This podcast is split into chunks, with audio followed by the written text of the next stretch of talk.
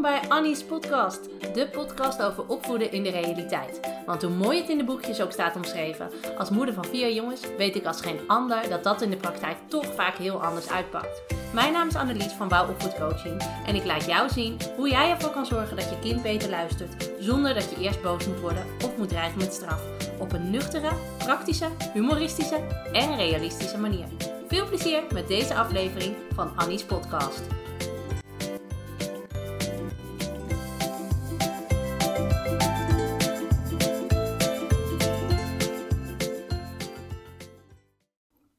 Hey, tof dat je luistert naar weer een nieuwe aflevering van Annie's podcast.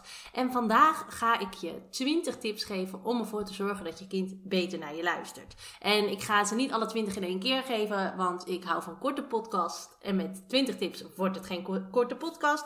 Dus ik deel hem op in twee delen. Maar weet je, het is gewoon heel frustrerend als je kind niet luistert. Weet je, wat je ook doet, wat je ook zegt, je kind luistert voor geen meter. En het maakt niet uit wat je uit de kast haalt, je kind gaat toch gewoon zijn eigen gang. Hij begint pas in actie te komen als jij boos wordt en gaat schreeuwen. En heel eerlijk, zelfs dat werkt niet altijd. Nou, ik ga je uh, in de komende twee podcasts dus vertellen um, wat je kan doen om ervoor te zorgen dat je kind beter naar je gaat luisteren. Ik vertel je wat de redenen kunnen zijn dat je kind niet goed luistert en wat je daaraan kan doen om daar verandering uh, in te brengen. Maar even één disclaimertje en die vind ik wel belangrijk om echt even um, te benoemen. Deze tips gaan alleen werken als je ook gaat begrijpen waarom je kind zich gedraagt zoals hij zich gedraagt. Want Alleen dan leer je herkennen wat hij nodig heeft en hoe je dwars en lastig gedrag kunt uh, ombuigen. Ik vergelijk het eigenlijk altijd het gedrag van kinderen met een ijsberg. En hetgeen wat wij zien uh, is het topje van die ijsberg. Dat is uh, het met de deuren slaan, de driftbuien, het op de grond gaan liggen en krijzen, de grote mond, nou ja, et cetera, et cetera.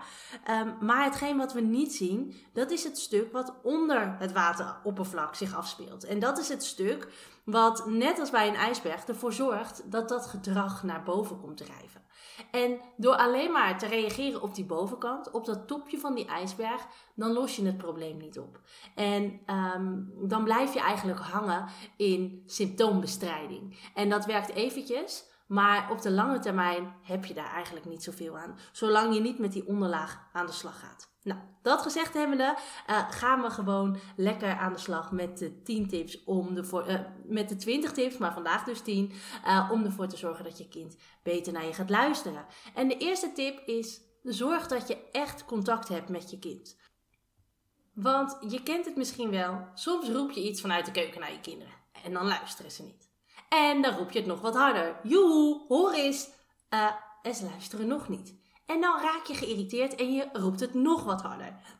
en dan luisteren ze nog niet. Nou, vervolgens uh, zit jouw irritatielevel al tot hier. En loop je boos de kamer in. En houd je een relatie dat je ervan baalt dat je alles toch altijd honderd keer moet vragen. En dat je kinderen nou nooit eens in één keer luisteren. Maar, terwijl je dit zegt, kijk je naar je kinderen die met open mond, het kwel druipt er nog net niet uit, vol in Paw Patrol zitten of vol in een of ander spelletje op hun iPad. En eigenlijk helemaal in trance zitten en helemaal niet doorhebben wat jij zegt. Uh, dus de sleutel zit erin.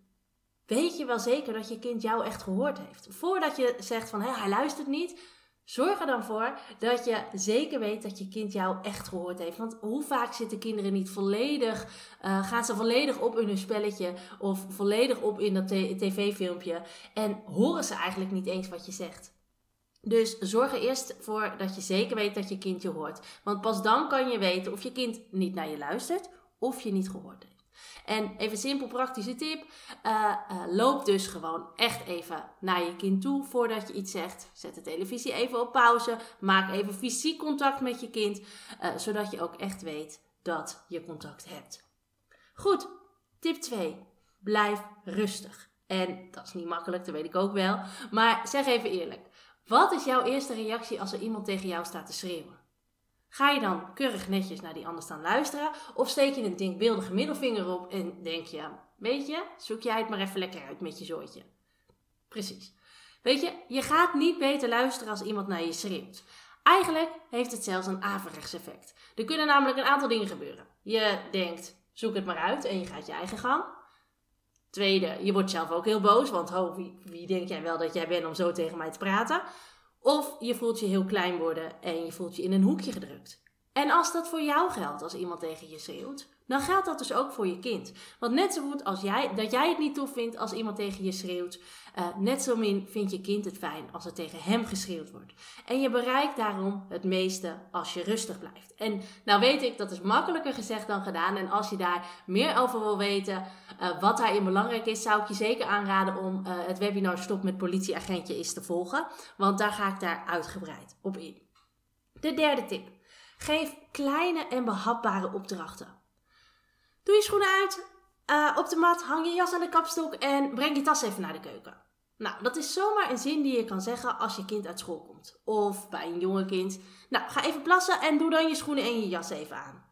Maar je kunt er donder op zeggen dat je kind één van die opdrachten niet uitvoert. Is dat onwil? Ja, soms wel. Uh, maar het is vaker nog onmacht. Want heel veel jonge kinderen kunnen zoveel opdrachten achter elkaar niet onthouden. En zelfs al is het iets wat ze iedere dag weer moeten doen, bij jonge kinderen zit dat gewoon nog niet altijd in hun systeem. En mochten ze het al wel kunnen onthouden, dan is de kans dat ze tussendoor afgeleid raken door iets wat veel interessanter is, uh, ook heel groot. En zal je opdracht daarom niet worden uitgevoerd. Dus heb jij een kind dat moeite heeft met uh, het, het navolgen en het naleven van een opdracht, maak het dan klein en behapbaar en geef één opdracht tegelijkertijd. De vierde tip. Zorg dat je consequent bent en waarschuw niet eindeloos. Want waarom luistert jouw kind pas nadat je het al tig keer hebt gevraagd? Nou ja, eigenlijk heel simpel. Omdat je hem dus de kans geeft om het tig keer niet te doen. Want waarom zou je kind reageren als hij weet dat je het toch nog honderd keer gaat vragen? En waarom is het zo dat, als je, dat je kind pas komt als jij tot drie telt, als jij bij drie bent? Omdat hij heel goed weet dat er bij één of twee nog helemaal niks gebeurt. En bij 2,5 ook niet. Ja, dan moet hij in actie gaan komen, want anders is hij bijna te laat. Maar je kind weet inmiddels dat hij pas tot actie hoeft over te gaan op het moment dat jij hysterisch wordt. Nou denk je waarschijnlijk, ja, eh, maar als mijn kinderen in één keer zouden luisteren, dan zou ik het ook niet zo vaak hoeven vragen. Dat dacht je, hè? Ja, zie je wel. Uh, maar het is voor je kind eigenlijk heel logisch geworden dat jij alles honderd keer herhaalt.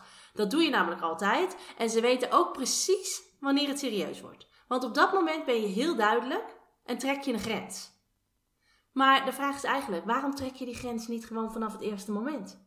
Nu wacht je met duidelijk zijn, of schreeuwen misschien zelfs wel, tot je volledig geïrriteerd bent en uit je stekker gaat. En dat is het moment dat je dus flipt en dingen gaat zeggen die je eigenlijk beter niet kan zeggen.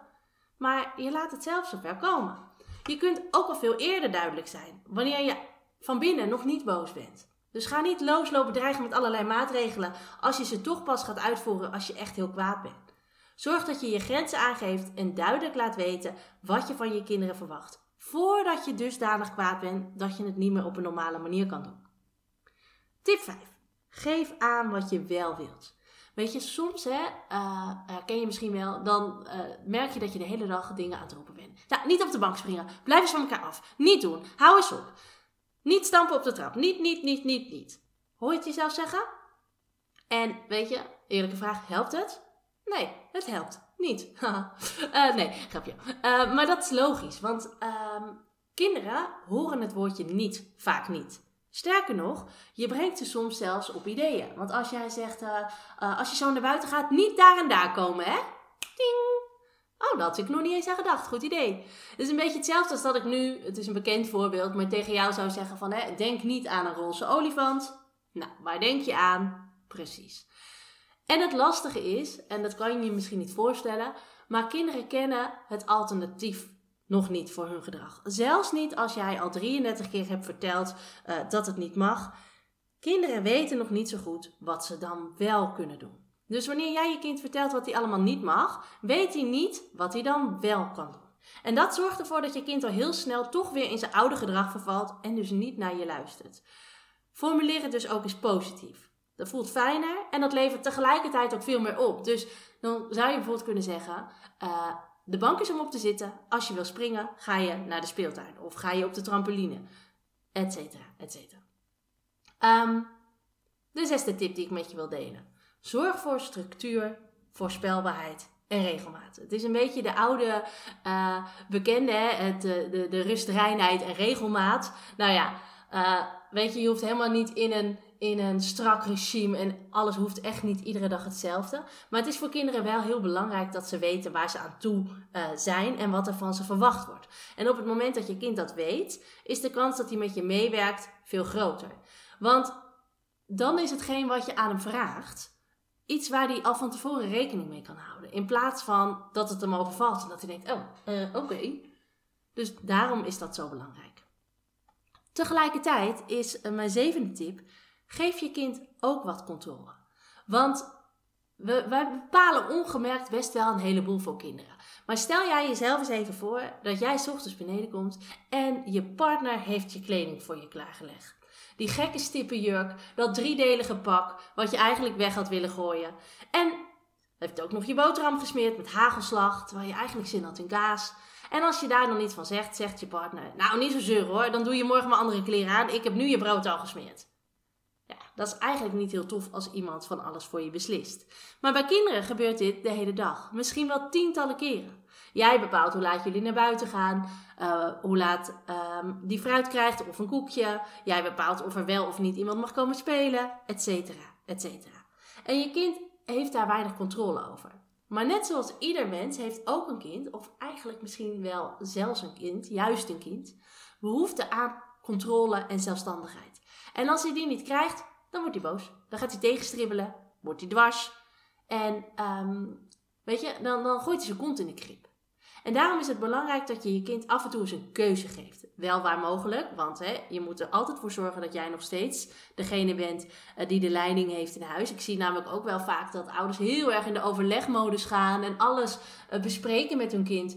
En dan rijst bij mij de vraag: ja, het kan niet zo zijn dat je uh, bent overgeleverd aan de grillen van een vijfjarige. of hij wel of geen zin heeft om vandaag boodschappen te gaan doen met je. Um, maar het is wel belangrijk dat je je kind wat meer inspraak en controle geeft. En dat gaat heel veel schelen. Want je kind voelt zich daar belangrijk door.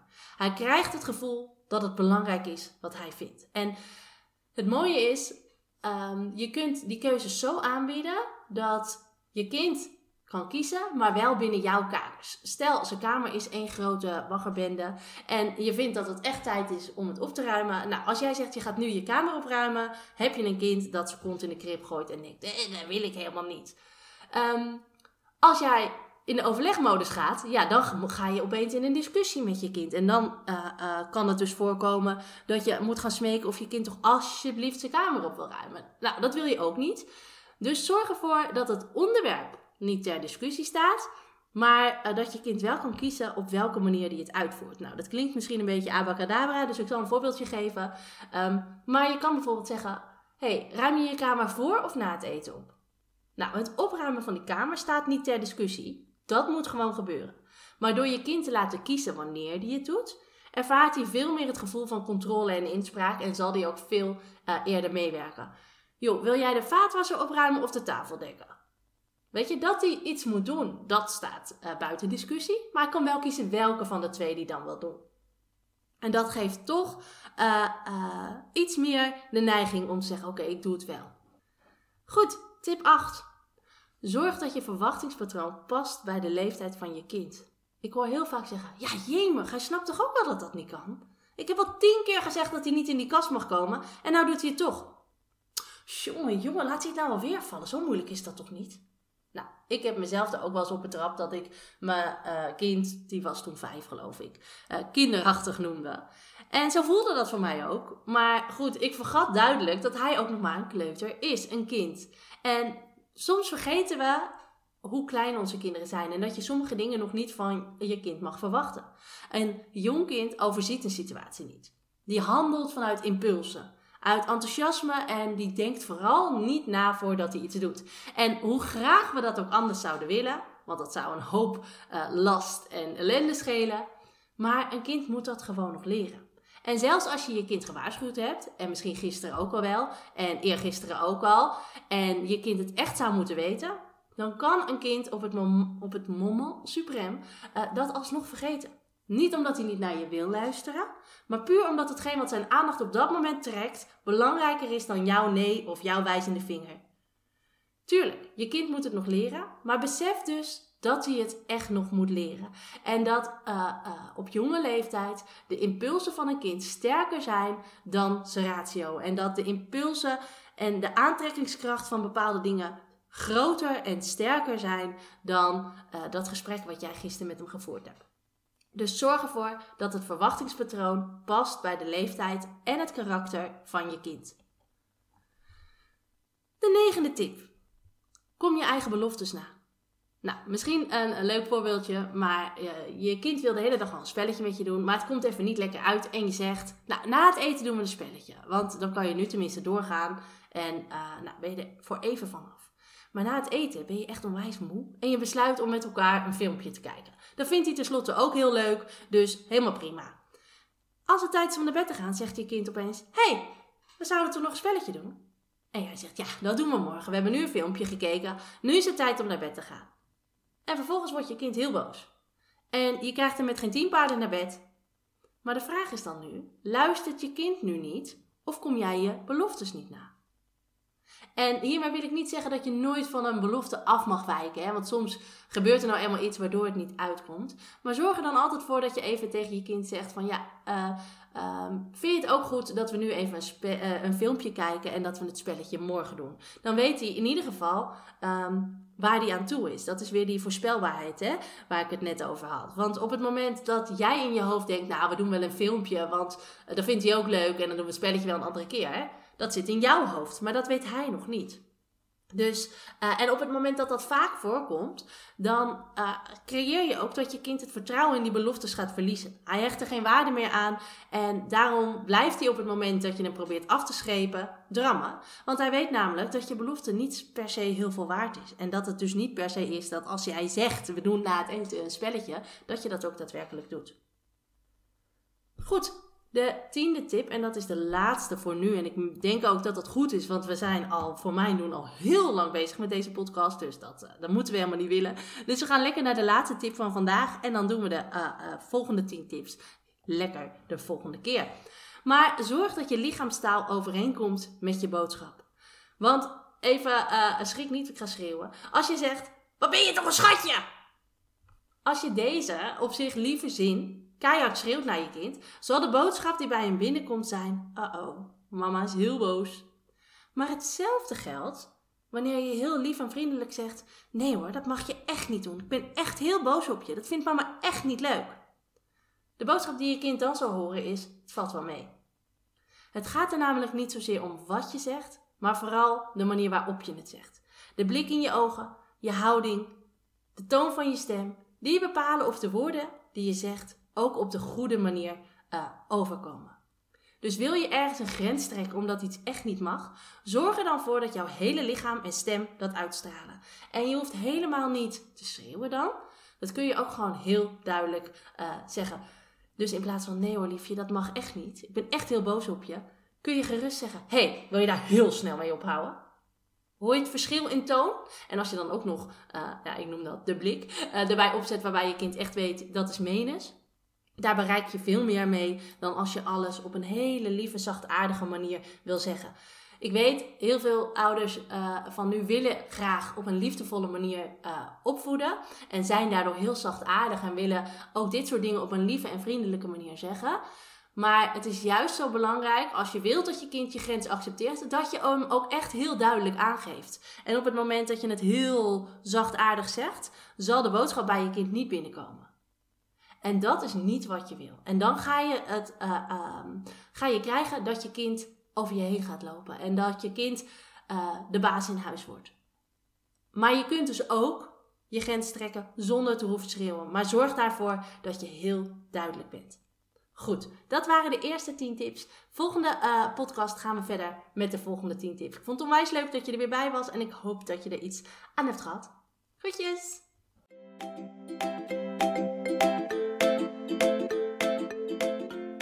Leuk dat je deze podcast hebt beluisterd. Kan je nou niet wachten tot de volgende aflevering van Annie's podcast? Ga dan naar Instagram, zoek me op via wouw-opvoedcoaching, want daar deel ik iedere dag toffe en inspirerende tips met je. Om er zo voor te zorgen dat het opvoeden van je kind leuker en makkelijker wordt. Wil je nou nog meer weten? Kijk dan ook even op www.wouwopvoedcoaching.nl slash gratis. En dan kun je je aanmelden voor mijn gratis e-book met 20 tips om ervoor te zorgen dat je kind beter gaat luisteren. Of je kunt je alvast aanmelden voor het webinar Stop met politieagentje spelen. Allebei gratis, dus je hebt eigenlijk geen enkele reden uh, om het niet te doen. Ik zie je volgende keer bij een nieuwe aflevering van Annie's podcast.